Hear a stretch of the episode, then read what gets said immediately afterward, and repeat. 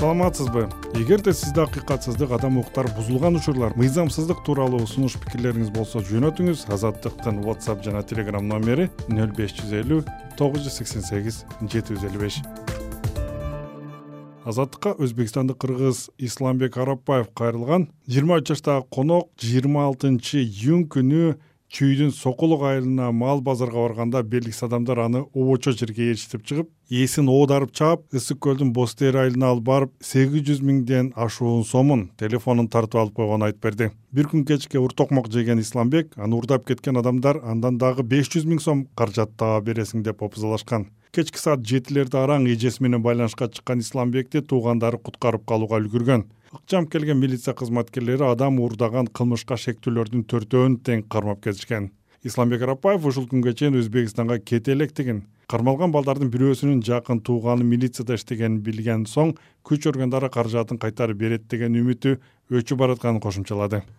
Чалып туруп атаган эки балачы эми могу анан сегиз жүз миң акчаны алып ысык көлгө алып барып сокулук мал базарынан да анан ысык көлгө алып кетип ысык көлдөн беш жүз миң акча сурашкан бирөөнү таанычу элем каржым жок эле менин эч кимден мен жөн эле коркутпай барып ошо сегиз жүз миңди алып анан көлгө алып барып коркутуп беш жүз миң акча табып бересиң кетпейсиң деп өлтүрүрөбүз тияк бияк деп уруп терип ошентип эле да пычактарды такап. Сени он беш жылга каматып беребиз сен бирөө адам өлтүрүп койгон ошонун акчасын алып сени каматып беребиз он беш жылга деп. Братандары бирөө ленинский заводдо начальник болуп берет экен бирөө жалал абадта зам начальник экен аны каяктан билдиңиз тез келгенин айтты да. Бир акебизчи опер акебиз быяктагычы мага келди сокулукка да.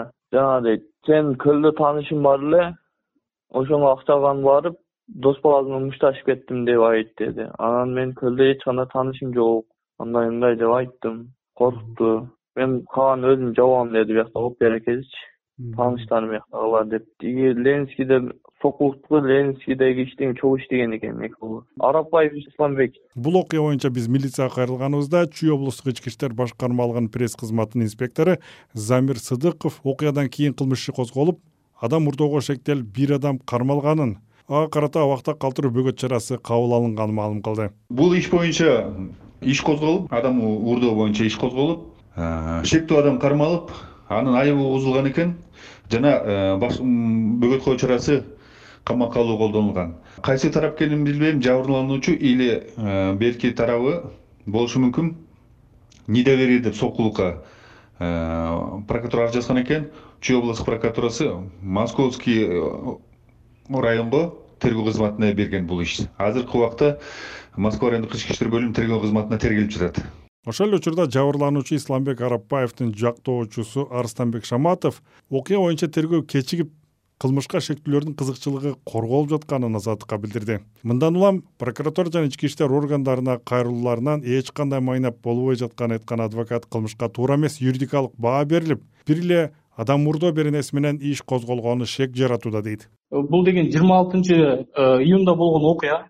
Ошол күндөн кийин э, ал бул көлдө кармалат. Көлдөн кармалып бул э, төрт бала кармалат көлдөн анан кийин аларды бул сокулукка өткөрүп берет. Себеби дегенде бул сокулуктун мал базарынан болгон да окуячы сокулуктун ички иштер бөлүмүнө өткөрүп берет. Ал жакта тергөөгө тапшырат э, тапшырганда булар ошол кармап алып келген балдарды ошол күнү эле кое беришет күйөө катары сурайтпы сурабайбы аны бизге белгисиз аны ошол менен коюп жиберишет. Эркиндикке анан кийин биз алардын үстүнөн арызданып отуруп акыры аягы отуз күнү кылмыш иш козгоп сразу эле козгош керек болгон нерсени булар отузунчу июнь күнү э, кылмыш ишин козгоп анда деле буларды камашкан эмес. Э, арадан көп өтпөй биз дагы арызданып прокуратурага жаздык башка жака даттандык. Ошонун негизинде булар арасынан бирөөсүн гана бирөөсүн гана чакырып туруп ага айыбын угузат дагы булар э, тиги бөгөт коюу чарасын тандайт аны дагы үй камагына таңдаптыр ошону менен калгандардын баардыгы эркиндикте жүрөт. Булар негизи жалпысы бешөө арасында Э, башчысы бар заказ берген. Сен ушундай кыласың акчаны талап кыласыңар болбосо өлтүрүп э, көмүп саласыңар дегенчи. Кылмыштуу топтун өкүлдөрү деп койгон жок. Булар мындай тил бириктирип мындай топ тарабынан жасалды деген э, адам уруулук боюнча бул деген кылмыш жаза кодексинин жүз алтымыш бешинчи беренесинде каралган. Адам мурдоо адамдын тобу тарабынан уурдалды деп ошо бир немени карап атат да. А бирок бүгүнкү күндө муну жакшылап бир изилдеп келсек э, бул жерде кылмыш жаза кодексинин эки жүз жетинчи беренеси каракчылык беренеси бар. Дагы э, кылмыш жаза кодексинин эки жүз сегизинчи беренеси опузалап э, талап кылуу беренелери бар. Бул негизи оор кылмыштын түрлөрүнө кирет. Оор жана өзгөчө оор кылмыштаргачы. Ушуну ушундай кылмыш болуп атса булар азыркы учурда балдарга эч кандай бир чара колдонбой даже бөгөт коюу чарасын аныктабай бирөөсүнө гана үй камагын берип коюп эркиндикте жүрүшөт. Аларды сураган эч ким жок. Жыйырма алтысы күнү бир ай болот. Иш боюнча эч бир кыймыл жок.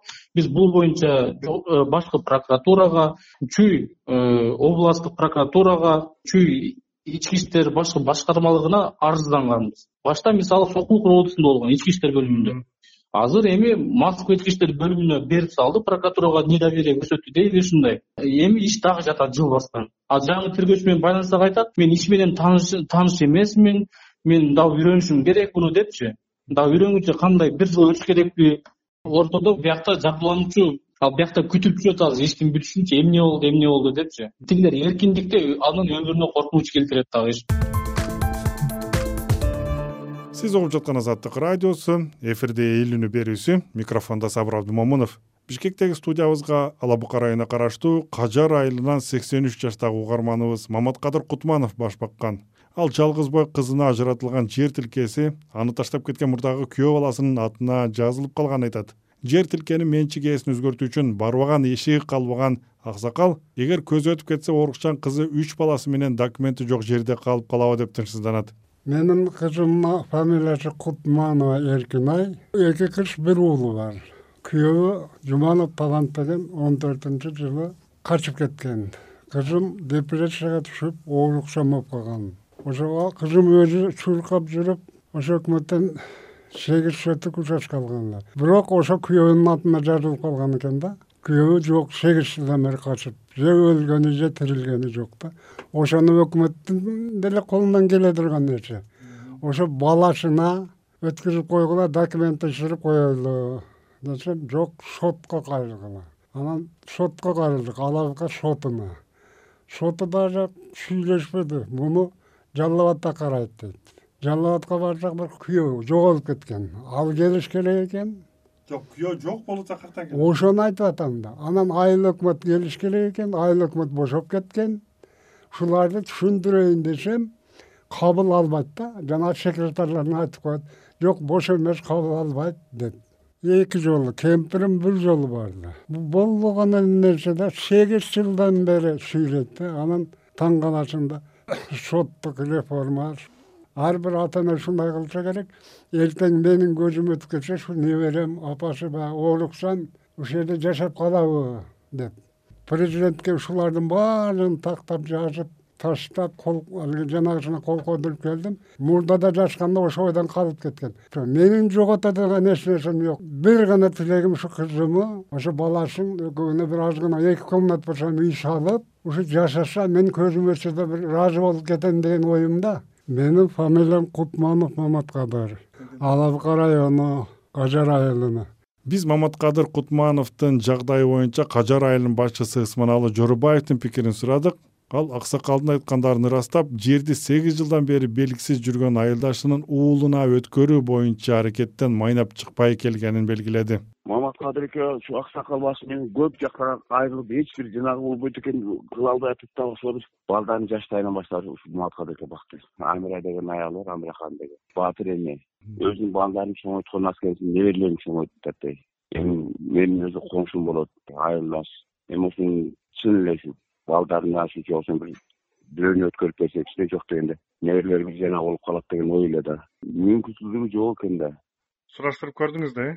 Сураштырып көрдүк да бул мыйзамдын ары тартсаң да бери тартсаң да туура келбейт экен да.